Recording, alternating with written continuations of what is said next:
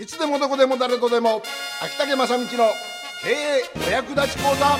ダダ漏れ。マーケティング。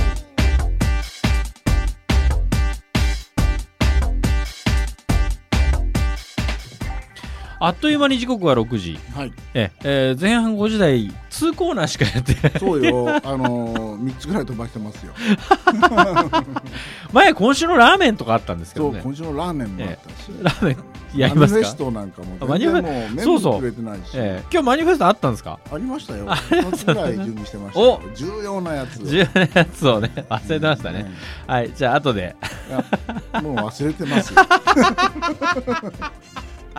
では忘れないコーナーということで、はい。ええー秋竹正道のダダ漏れダダ漏れマーケティング。はい。はい。ということでございます。オタクパワー研究所の、はい。えー秋所長秋竹正道と申しますが、えー今ですねオタクパワーでゆるゆるまちづくりというネタで、やあのこのシーズンをやっております。はい、で前回はですね、えーまずオタクを集めようということで、あのフェイスブックミクシーなどを使って、えーまず集めましょうと、うん。で最初集めるまでは数のパワーでサクラを使えとうん。いうところまで参りました。でそこで100人ぐらい集まったところで、うん。まあ、100人まで満たなくてもいいんですが、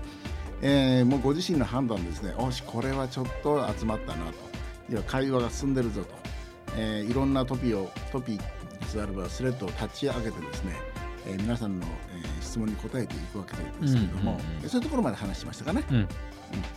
はい、でとにかく今の現状のまちづくりというものを皆さんに教えてあげる必要があります。はい。で、えーそこのミクシーとかですね、フェイスブックで集ってくる皆さんは、あまりまちづくりというものを意識してないしてないけれども、社会の問題点、課題、あるいはなんでこんな街なんだということにえー疑問を持ったり、うん。あるいは自分で何かしたいんだというですね、えー野望、希望、夢を持ったり、えーしているわけですけれども、うん。でそこでですね、えーネットにえー絡む方で結構、えー物申したい方もいるわけですね。でその物申したい気持ちをすんなりと導き出してあげてこれについて何かございませんかとか、えーこれはどうなってるんだとか自らですねちょっと悪者役を役を買うような呼び水を投げてやるということ。が 非常に大切でございまして、よくやってましたね。はい。でそこで、えーなんでこんなんなんですかっていう問いにですね根節丁寧に何度でも答えてあげるという、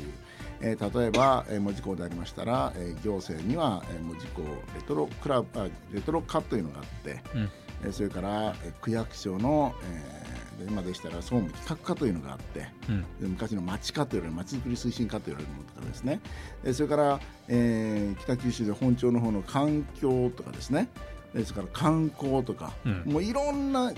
あの行政部署が絡むわけですね、うんうんえーその辺とかを根節丁寧に教えてあげる。でこういう部署の方はこういう仕事をしてるんだとうんうんであのよくあるのが一括りにですね役所は何もしてくれんっていう話があるんですね。でそれから役所に話持っていったけど相手にしてくれんやったとかいうのがよく出てきます、うん。実は担当部署が違えば、えー基本的にできないしそれから年度計画に上がってなければですねあのなかなか動きができないわけですね。予算もないしもちろん。えーということでその辺をですねしっかりと、えー担当窓口を教えてあげたりそれからあと今その土地でやってる町団体えー経済団体とか町づくり団体とかありますけどもちろんだったらもちろんレトロクラブというですねいろんな団体の協議、えー協議会があったり、えーそれから商店街の組合があったり、うん。それから、えーロータリークラブがあったりライオンズクラブがあったりと。うん。でいろんなことがいろんな団体さんがまちづくりをやってるんですけれども、えーその辺のですねどういう流れでこういう今のの、えー成果物となっていたり現象となっているのかっていうことをですねしっかりお伝えしてあげる。うんえここが大切なところなんですね。で、あのまちづくりのリーダーを育てるとよくありますが、あのー一番ネックになるところ肝と言ってもいいと思うんですけど何をもってリーダーと、えー一歩前進したなとうんいうところなんですが実はこれは一番大きいところがですね行政との手続き関係です。ポイント。ポイント。うん。でここをですね一緒に手助けしてやって例えば何かのイベントするときにえ行政の力を借りようと思えば何らかの書面が必要になります。うん。でこの時にどのような企画書を書くのかそれからどのような申請書を書くのかそそれから、えーそこ担当部署に行って担当者とお話をして連絡をすると、うん。え実はこの作業がですね、えーきちんと理解してやれないと行政は何もしてくれんとか、うん。いうことになっちゃうんですね。だから、えー、町づくりのリーダーとしてまず第一段階第一ステップで、えー踏んでもらいたいのは、えー行政との折衝、えー話えーここをですね、えーしてもらわなきゃいけない。だからそのあたりをですねまずネットの上で実はこうこうこういうふうな手続きが必要になりますとか、えーこういうところこういう話を持っていけば、えースムーズに聞いてくださるはずですとか、えーそれからもちろんできないこともあるんだということを基本的にお伝えするうん。とても大切なことになりまして、えーそのあたりの今、えー悶々としてるですね、えー愚痴とか不平不満とかそれからやりたいけどどうすればいいかわからないということをそのまずネット上でですねしっかりと、えー問題解決してあげる。でここの肝はですね、えー多分前回も言ったんですけどもあの何度同じ質問が出てきてもそれは過去出たから前のトピを読み直せなんてことは絶対言わない。えこれがですね、えースレッあのコミュニティであったりグループの あの管理する人の心がけとして必要非常に必要です。でその時にですね、えー何度も出てきそれは前も何度も出てきたよっていうことを、えー言われる方が必ず現れます。その時は、えー管理している方っていうかその、えートピックをしっかりと回している人がですねあのあそれは出てきたけれどもこれは必ず新しい人にとってはえー参考になるし自分たちも復習になるから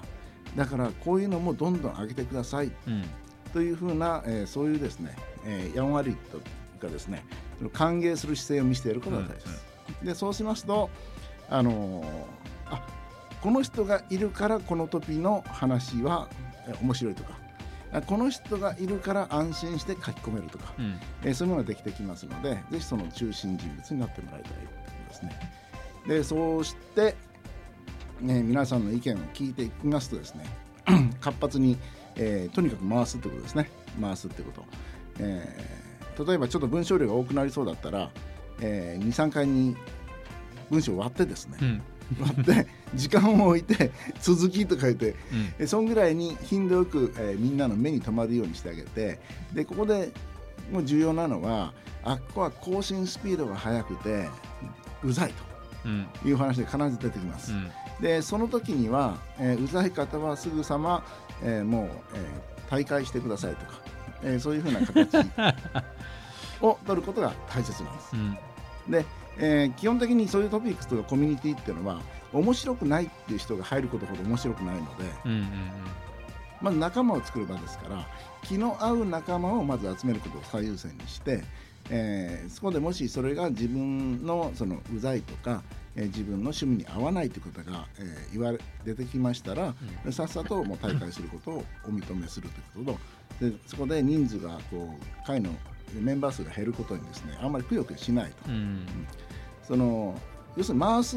どんどんどんどん回すことによって、えー減ってくる人は絶対出てきますのでそれを想定してやっていくということですね。でそこが非常に大切でで、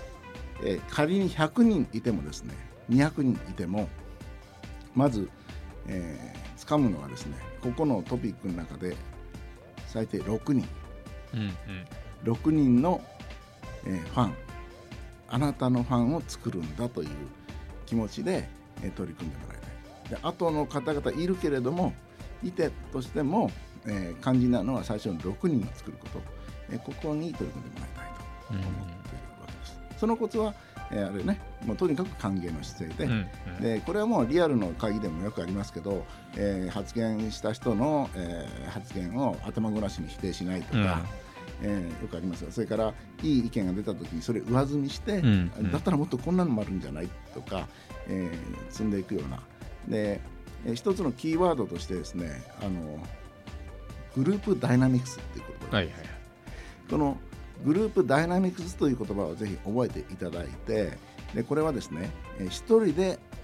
悶々とやる、えー話をするよりもみんなの知恵を重ねて重ねて上,、えー上ずんえー上にどんどん積み上げていって盛り上げていこうという、感じですけど